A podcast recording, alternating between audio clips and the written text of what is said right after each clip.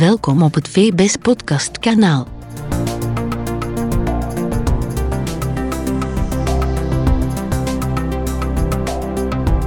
Voordracht professor Dr. Bart Leroy. Deel 1.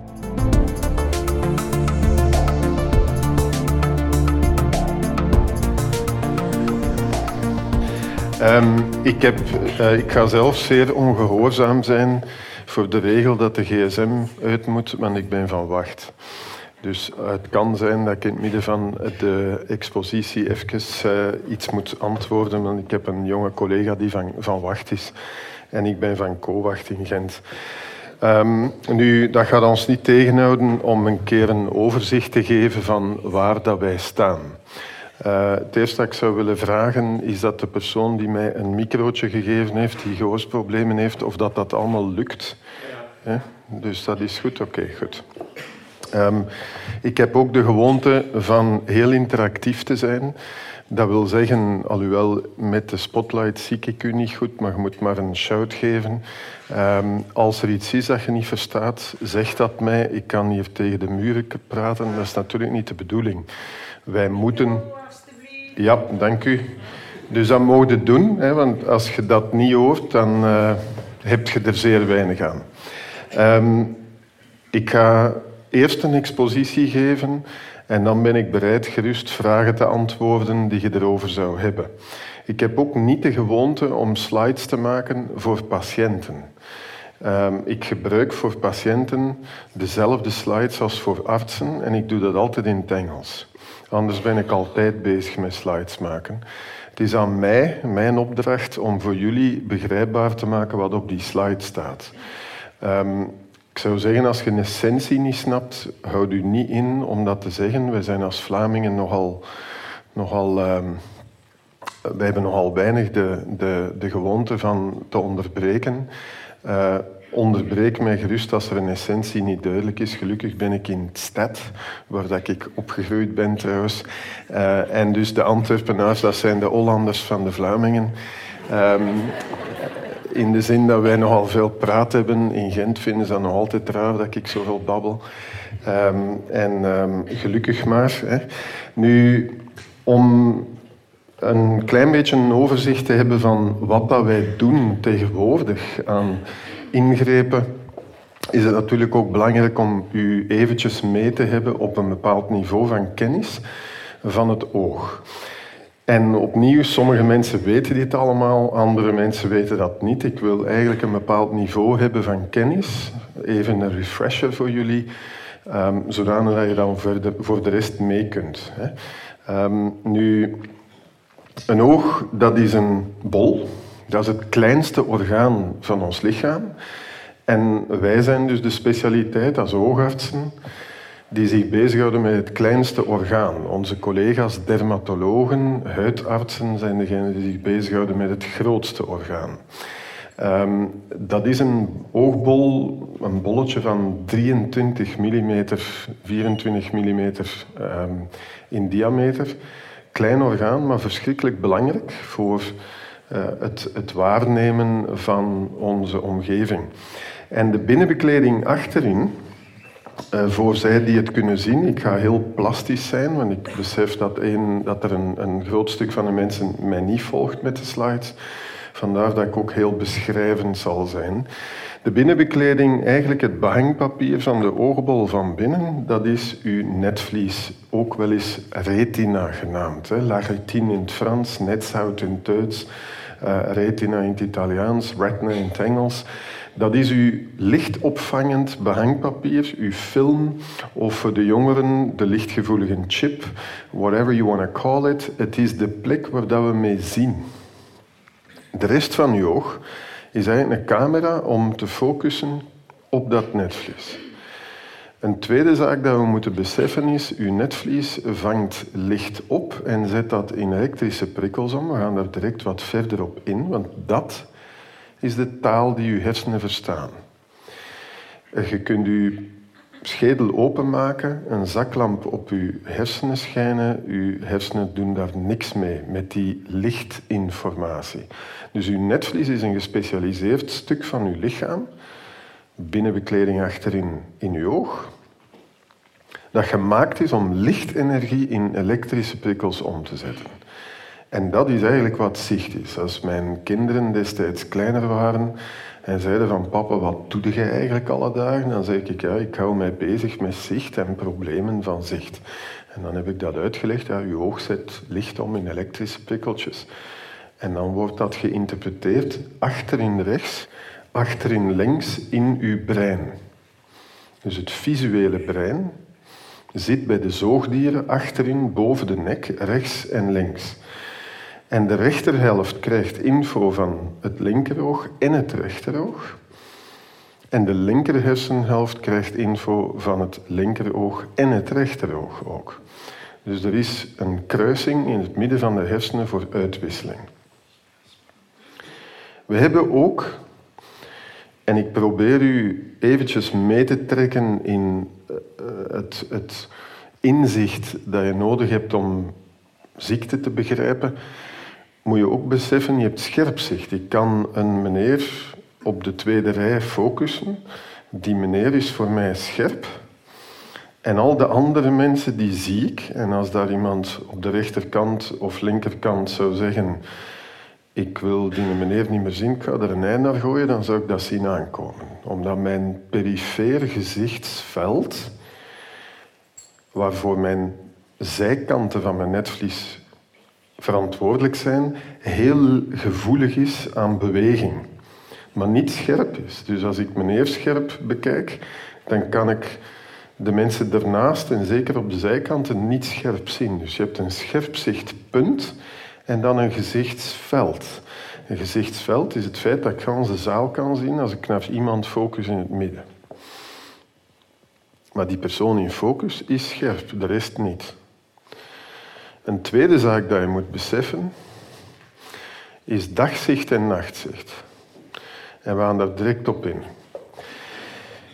Uw lens, uw horenvlies of horlogeglas, ook wel cornea genaamd, en uw lens, uw cornea en uw lens samen zijn het lenzensysteem van je oog. En dat klinkt allemaal moeilijk, dat is niet moeilijk. Pak een camera, je neemt een kiekje van uw, van uw familieleden, zelfs in uw smartphone. Alle lenzen zijn samengestelde lenzen. Er zijn bijna geen lenzen die bestaan uit één lens. En dus de afstand tussen die stukken maakt dat dat anders focust. Dat is optica hogere optica die ik ook niet ken. Maar in ieder geval met twee lenzen zit je, een cornea en een eigen lens. En die twee samen zorgen ervoor eh, dat dat beeld scherp is op je netvlies. En als je dan een imperfect oog hebt zoals ik, dan heb je nog nood aan een bril erbij ook. Dat is de derde lens. Maar dan focust het ook mooi op het netvlies. Um, met de uh, spotlight op, op het scherm is dat iets minder goed te zien, maar wat dat je hier geïllustreerd ziet is een overzichtsfoto, eigenlijk een amalgaam, een aan elkaar geplakte reeks ronde foto's uh, van stukken netvlies. En in feite de cirkel die je in het midden ziet, die gaat uh, in principe ongeveer wat dat wij noemen de macula of macula lutea omringen. Wat is de macula? Letterlijk vertaald uit Latijn vlek. Macula lutea, gele vlek. In die zone zit gewoon meer geel pigment. Wat is dat? Dat is een ingebouwde zonnebril in uw netvlies.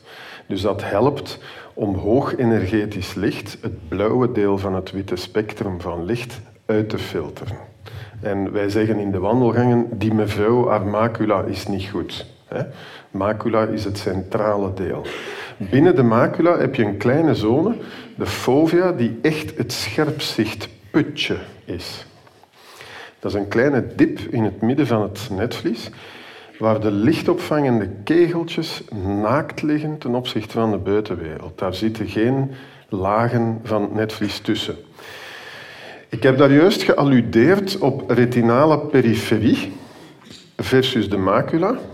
Dat wil zeggen retinale periferie van mijn netvlies. Uh, periferie van mijn netvlies is eigenlijk de plek waar ik de zijkanten mee zie en dan macula waar ik dan de scherpzichtzone in het midden van heb. En dan hebben we een, uh, daarop ingegaan om te zeggen, er is visual acuity of scherpte, gezichtsscherpte letterlijk vertaald. Wij zeggen vaak best gecorrigeerd zicht. Dat wil zeggen, Bart Leroy met zijn brilletje. Zonder mijn brilletje ben ik niet perfect. Met mijn brilletje kun je eruit halen wat eruit te halen is. En dan noemt je de best corrected visual acuity van Bart Leroy. Wij noemen BCVA dat is een meting, Best Corrected Visual Acuity. Zelfs al heb je geen bril nodig, dan schrijven we nog Best Corrected Visual Acuity en dan schrijven we zonder bril. Die persoon heeft geen bril nodig. En visual fields, dat zijn gezichtsvelden, die kunnen wij meten. Wij kunnen uw oog per oog testen. En we kunnen zeggen, mevrouw, meneer, kijk recht voor u, focust u op het punt. En we gaan met lichtjes komen in de zijkant, op de zijkant. En u moet ons een teken geven als u dat ziet. En u moet ons geen teken geven als u het niet ziet. En zo testen wij hoe breed is het veld. Nu goed, in het netvlies onderscheiden wij enkele lagen. En ik kan u absoluut niet spreken over nieuwe technologieën voor therapie als je dit niet verstaat. Dus ik moet u dat even terug opfrissen. Uh, om u dan daarna mee te krijgen om te beseffen waar, waar zitten wij nu eigenlijk en wat zijn onze vragen nog, onze onzekerheden, waar zitten nog toekomstmogelijkheden, welke toekomstmogelijkheden zijn er waarschijnlijk niet. Hè. Als je dit niet kent, kun je niet mee in dat debat. Jullie zijn allemaal slimme mensen. De uh, frequentie van domme Vlamingen ligt zeer laag. Hè. Uh, merk ik aan, aan mijn consultaties. Nee, maar je lacht ermee en ik zeg het ook wel wat grappend. Maar ik had een, een collega die mij ooit zei van... Maar Leroy, maar je zit zo tegen die mensen te praten en je legt dat allemaal uit. Maar die verstaan dat toch niet. Waar zijn jij mee bezig? Je verliest je tijd. En ik vond dat een zeer grove opmerking. Ik heb toen aan mijn collega gezegd, ik, zeg, ik vind dat gewoon degoutant wat je zegt.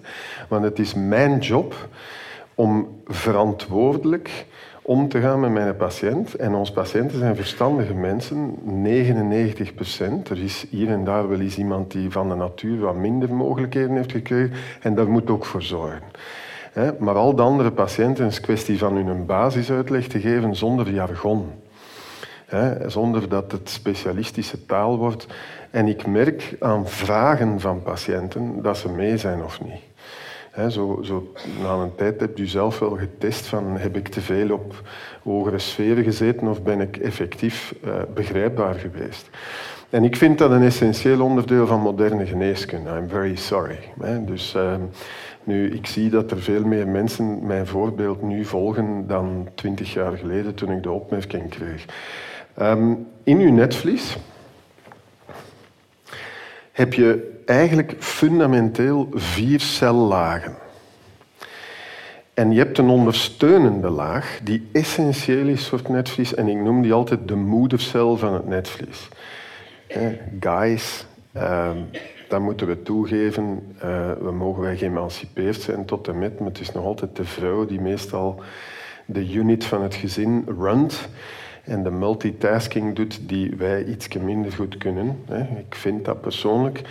Zonder mijn vrouw zou ik hier niet staan, want dan zou ik geen gezin hebben enzovoort. Nu, we hebben een pigmentepiteelcellaag, ook wel eens retinal pigment epithelium genoemd. Dat is een cellaag met veel pigment in. Dat pigment dient om het overschot aan licht dat in onze ogen valt te absorberen. Want te veel licht kan ook toxisch zijn. Maar dat pigmentepitheel doet veel meer dan dat. Het doet een hele reeks functies. Onder andere vitamine A recycleren, we komen erop terug. Het gaat ook pompen wat er aan vocht gemaakt wordt op continue basis in het netvlies. Dus het netvlies is zeer actief met zijn vertalen van licht in elektrische prikkels. En daarbij wordt heel veel zuurstof verbruikt en onder andere CO2 en water aangemaakt. En dus dat moet weg. En dat pigmentepitheel dat net onder de staafjes en kegeltjes zit, de lichtopvangende cellen, dat gaat eigenlijk altijd dat vocht wegpompen naar onder toe. Onderaan aan de slide heb je een bloedvatspons, de choroidea genoemd. En helemaal onderaan de sclera. En wat is dat? Dat is uw witte oogrok. Van voor ziet je die, maar je hebt die van achter ook. En de witte oogrok, de sclera, is de buitenkant van uw netvlies. Dat is de gyprok. Hè. Um, en daarnet, daarnet voor zit dan het vaatvlies, een bloedvatspons. En daar net voor zit uw netvlies. Uw retinaal pigmentepitheel zit tegen de choroidea, of het vaatvlies. En tegen, ik ga nu van de achterkant van het oog naar de voorkant van het oog, van de buitenkant van het oog naar de binnenkant van het oog voor het netvlies. Ik kom het pigmentepitheel tegen en dan kom ik de staafjes, de cones en de rods. Dus de rods zijn de staafjes en de cones zijn de kegeltjes tegen. En dat zijn de cellen die het doen. Wat? Zicht. Elektriek maken uit licht. Punt. Als je één ding onthoudt, straks moeten we daar verder op spreken. Die staafjes en kegeltjes die doen het. Het zicht. Staafjes, superlichtgevoelig, geven ons nachtzicht. Een stuk van de mensen achterin zit in het donker voor mij en ik kan daar mensen ontwaren, maar ik kan helemaal niet zien welke kleur van kledij zij aan hebben. Ik kan die ook niet scherp zien, maar ik zie dat daar mensen zitten. Hoe meer dat naar voren komt, hoe meer licht er in de zaal is. En dan kan ik zeggen, die persoon heeft iets rood aan, die persoon heeft iets blauw aan. Maar dat is allemaal niet perfect. Het is hier perfect voor mijn kegels. Maar mijn kegels en mijn staven, dat, is niet zwart-wit. Mijn kegels zijn daglichtcellen, mijn staven zijn nachtzichtcellen. En mijn netvlies is zo wat half aangepast, omdat dat hier zo donker is. Dus dat is niet zwart-wit, dat gaat door, dat is ook een overgangsfase. Nu, die staven en die kegels doen staven s'nachts, kegels overdag, omzetten van licht in elektrische prikkels.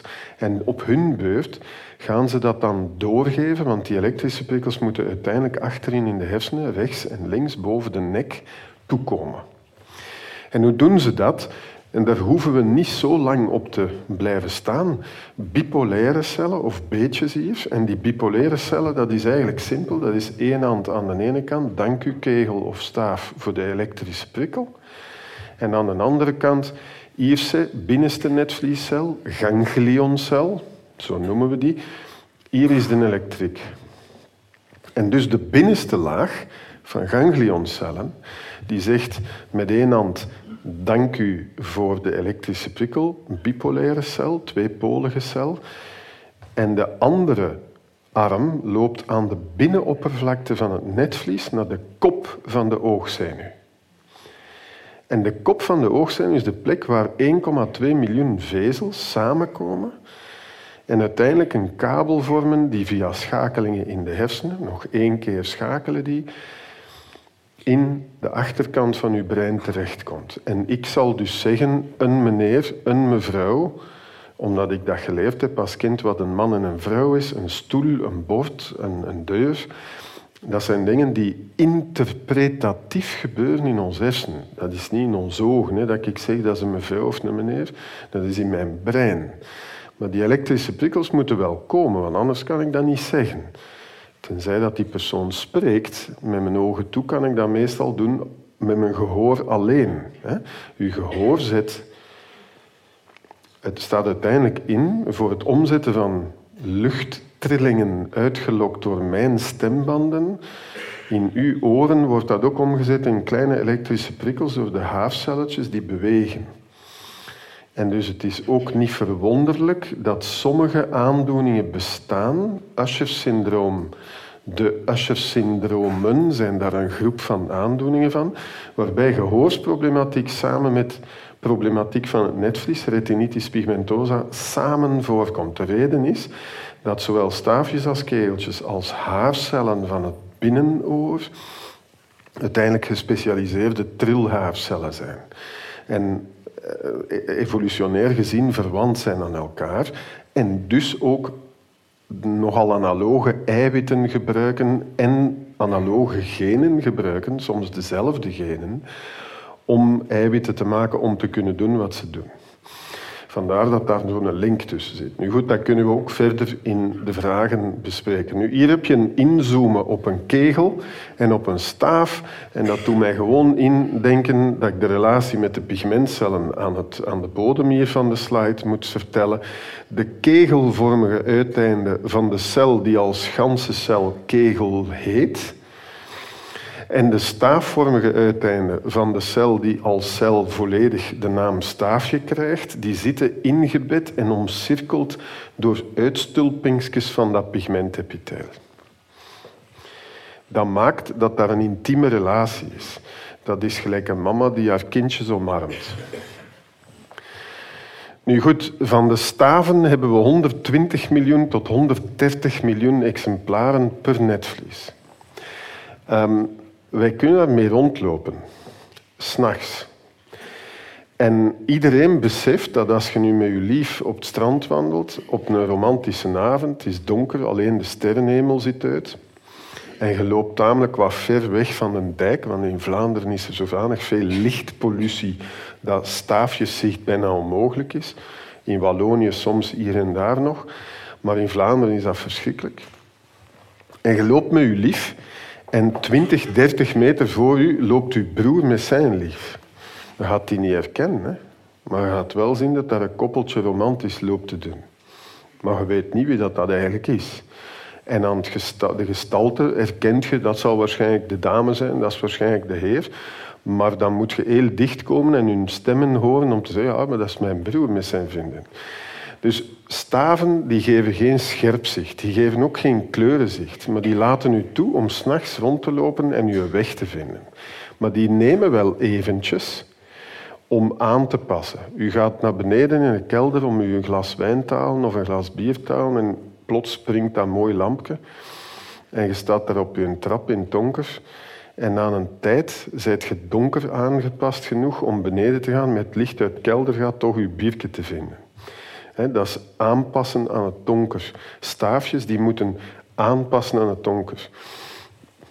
Bij mij is dat nu gebeurd, bij jullie ook.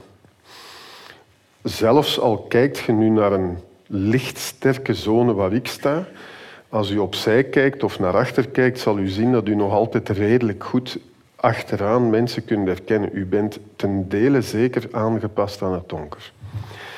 Kegels zijn met veel minder Twintig keer minder ongeveer. Dat is opmerkelijk. Hè? Daglichtcellen, die voor ons veel belangrijker zijn in de huidige maatschappij, die zijn met twintig keer minder. Die geven ons scherpzicht.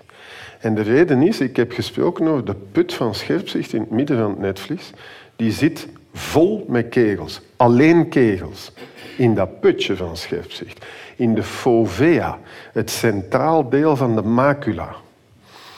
Onmiddellijk omheen die fovea beginnen er al heel veel staven en kegels tussen elkaar heen te zitten. Maar in het putteke van uw scherpzicht zitten er alleen kegels. Vandaar dat u niet scherp ziet in het donker, want die kegels die slaan maar aan als er voldoende licht is.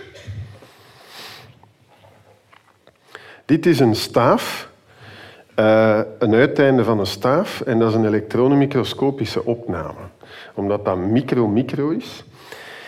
En die opname die toont u eigenlijk een op elkaar gestapelde hoop van wat ik noem gesloten pizza's of pizza calzones. Ik weet niet of je dat kent. Als je bij je lokale Italiaan gaat, meestal is een pizza een deeg, een stuk deeg met daar de lekkere dingen bovenop. En wel, je kunt die ook toedoen. Dat is een pizza calzone, noemt dat.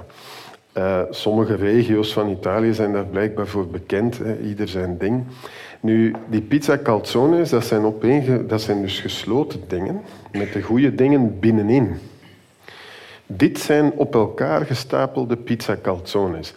En ik wil dat u een beetje begrijpelijk maken. Ik, ik leg dat ook aan artsen zo uit. Hè.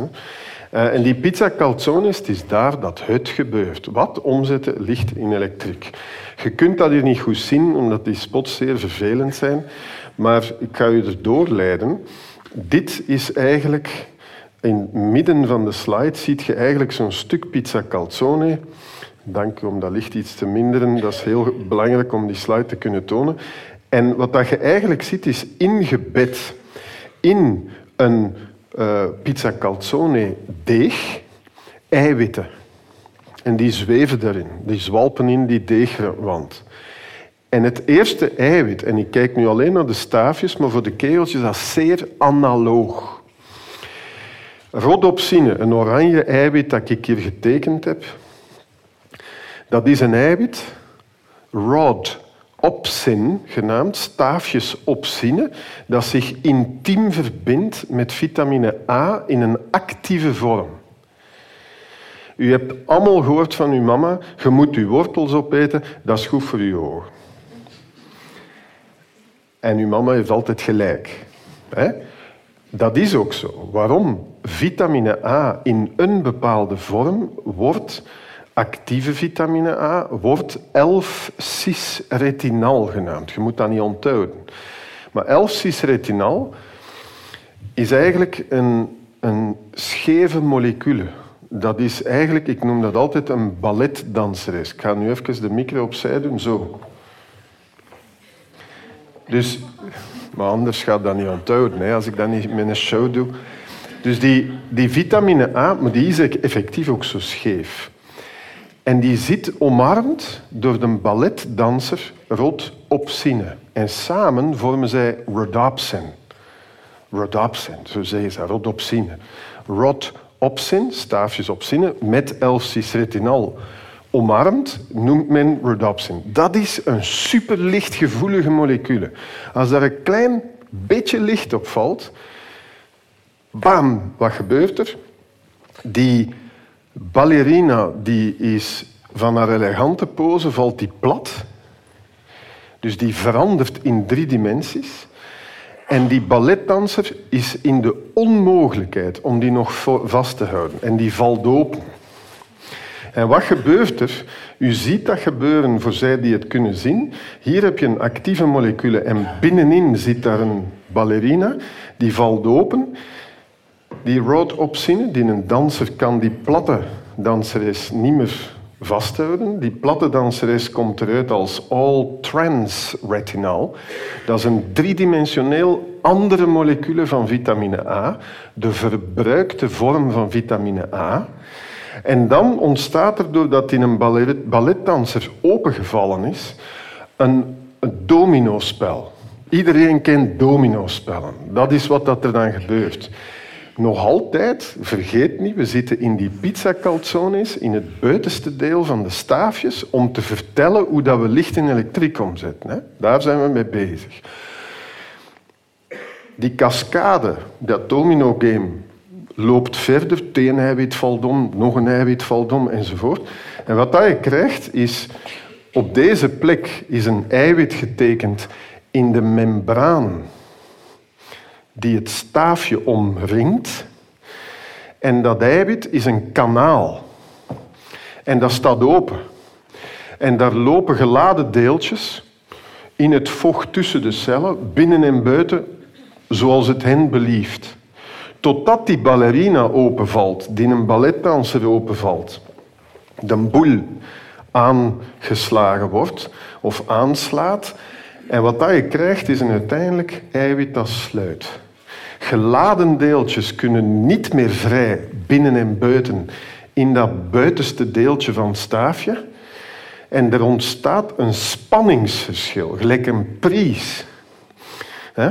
Positieve en negatieve pool tussen binnen en buiten van het staafje. Dat is het elektrisch prikkelke. Dat loopt langs de membraan van die staaf naar boven en dat wordt doorgegeven door de handshake of synaps genaamd in de biologie naar de bipolaire cel. En die doet dat cel, die geeft dat ook verder door aan de ganglioncel. Die leidt dat helemaal naar uw brein. En je zegt, oh, ik zie iemand. Goed, die platte ballerina, 11-cis-retinal, moet gerecycleerd worden. En die platte ballerina die wordt hier uit de pizza calzone weggewerkt, tussen de pizza calzones in het staafje buiten gesmeten. Tussen het staafje en de pigmentcel komt dat terecht. Dat wordt getransporteerd door een ander eiwit, dat zegt, alleen madameke, kom, hè, ik zal u meepakken en afleveren aan uw pigmentepitheel. En uw pigmentepitheel, die moedercel die juist onder dat staafje en kegeltje zit, dat zegt, allee, kom maar binnen. Platte ballerina, ik zal u oppompen, ik zal u terug elegant maken. En dat is wat dat er hier gebeurt. 11-cis-retinol wordt hermaakt en wordt teruggegeven tussen, tussen pigmentcel en, en staafje, wordt teruggegeven aan die balletdanser die daar zit te wenen. En die verenigen zich terug en er zit weer een actieve molecule rhodopsine. And again, and again, and again, and again, and I keep on seeing you. Ja? Dus miljoenen, eigenlijk miljarden keren per seconde wordt dat bij mij gebruikt, gerecycleerd, gebruikt, gerecycleerd, gebruikt, gerecycleerd. Terwijl ik naar jullie kijk. Dat is zicht. Als je, als je daarmee mee bent, kunnen voort. Goed. Ik moet een aantal andere dingen zeggen en dan kan ik mijn snelheid gestaag opvoeren, want ik gebruik moeilijke slides voor artsen, maar ik ga u gewoon ik heb die slides daarin laten zitten om u te bewijzen dat dat wetenschappelijk onderbouwd is wat ik zeg. Er is geen nood om op een zaterdag voormiddag in elk detail te gaan. Maar de essentie ga ik u telkens meegeven. En ik laat dat zitten, die grafieken en dergelijke, die allemaal gescreend zijn door reviewers. Uh, ik kan u zeggen, wetenschap doen op hoog niveau, dat is een uitdaging. Maar goed, ook voor de bevolking. Dat wij het moeilijk krijgen om iets te veranderen, want er moet ook controle zijn. Um, kegeltjes en staafjes zijn de plek van de meeste netvliesziekten die leiden tot blindheid of slechtziendheid. Want u kan mij zeggen, Bart, je hebt gesproken over bipolaire cellen, over ganglioncellen, pigmentepitheelcellen, maar ook staven en kegels. Waar zit ziekte? Wel, ziekte zit 90 van de slechtziende mensen hebben een slechtziendheid doordat er een probleem is met staafjes en kegeltjes of de pigmentcellen. Want die zitten zo intiem samen te werken dat het een niet kan leven zonder het ander. Gewoon om u daarop mee te hebben. Wat ik nu toon, voor de mensen die het kunnen zien, is centraal. Is een, is een fundusfoto, een stuk van een fundusfoto. Een fundus, dat is een ooggrond. Meneer, mevrouw, ik doe uw pupil wijd met een druppelke en ik pak een camera en ik trek een foto van uw netvlies. Uw film van uw oog ziet er oranje uit als ik dat dan fotografeer en dat is wat u ziet. U ziet een wittere, gelere zone, dat is de kop van de oogzenuw. Dit is de macula. Mijn foto is niet volledig. Hè. Die, dat zijn allemaal individuele foto's die we dan samen plakken en met een automatisch systeem. En dat werkt zeker niet perfect. Daarom is de bovenkant hier aangeplakt. De neuskant aangeplakt, dat is een patiënt zijn rechteroog. Dus de neus zit hier aan deze kant. De slaap zit aan die kant van die patiënt. Dit is het centrum van het netvlies. En hier ziet u pigment zitten. En dat is een patiënt met retinitis pigmentosa. Dat is een verschrikkelijk slechte naam. Dat is uitgevonden door een Nederlandse arts die in 1869 dacht terecht, ook je begrijpt dat ook in die tijd, men kende toen geen genen, die dacht dat dit een inflammatoire of ontstekingsaandoening was. En die ontstekingsaandoening die leidde dan tot, uh, tot een... een uh, mijn excuus, ik ben juist aan het kijken naar mijn assistent die mij iets toezendt. Oké, goed. Hij heeft mij niet nodig. Um, nu, de... Ondertussen ben ik hier aan het voortgaan in mijn slides zonder dat ik het wil. Mijn broek doet dat. Um, de... Sorry. Pigment dat je daar ziet, dat is eigenlijk een verlittekening. Weet je wat dat, dat is? Die staven en kegels die gaan dood. En die pigmentcellen, moedercellen van het netvlies, die zeggen, oh my god, ik moet dat hier opkeuzen. En die keuzen dat op, die eten die debris, dat overschot, de afval van die staven en kegels op en die gaan zelf dood in dat proces. En die laten pigment los. Dus dat is een soort verlittekening. Wat dokter Donders niet wist, wat dat wij wel weten, is dat dit een genetische aandoening is. Genen liggen aan de basis. En dokter Donders dacht dat dat een ontstekingsziekte was.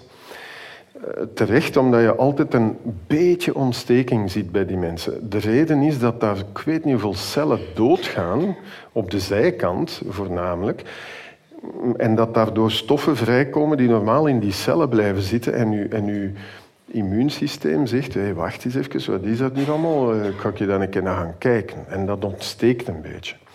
Dus dat is logisch dat dokter Donders dat retinitis pigmentosa noemde. We zouden dat nu beter pigmentaire netvliesziekte noemen, omdat iedereen weet dat dat geen itis is. Een andere uh, foto van, van het uh, oog, het linkeroog van diezelfde patiënt. En um, gewoon om u... Roep eens. Ja, excuseer mijn zoon, de vrouw Dieter. Ja, maar uh, als wij eigenlijk we krijgen altijd dan zo gezegd een 170 graden aan elektrische impulsen, maar die kunnen gewoon niet beantwoord worden omdat de keeltjes en staafjes afgestorven zijn. Dat is correct. Eigenlijk zien we wel nog 170 graden, maar we kunnen het gewoon niet meer interpreteren. Er komt inderdaad breed licht op uw netvlies, maar uw staven en kegels gaan het op de zijkant niet meer registreren.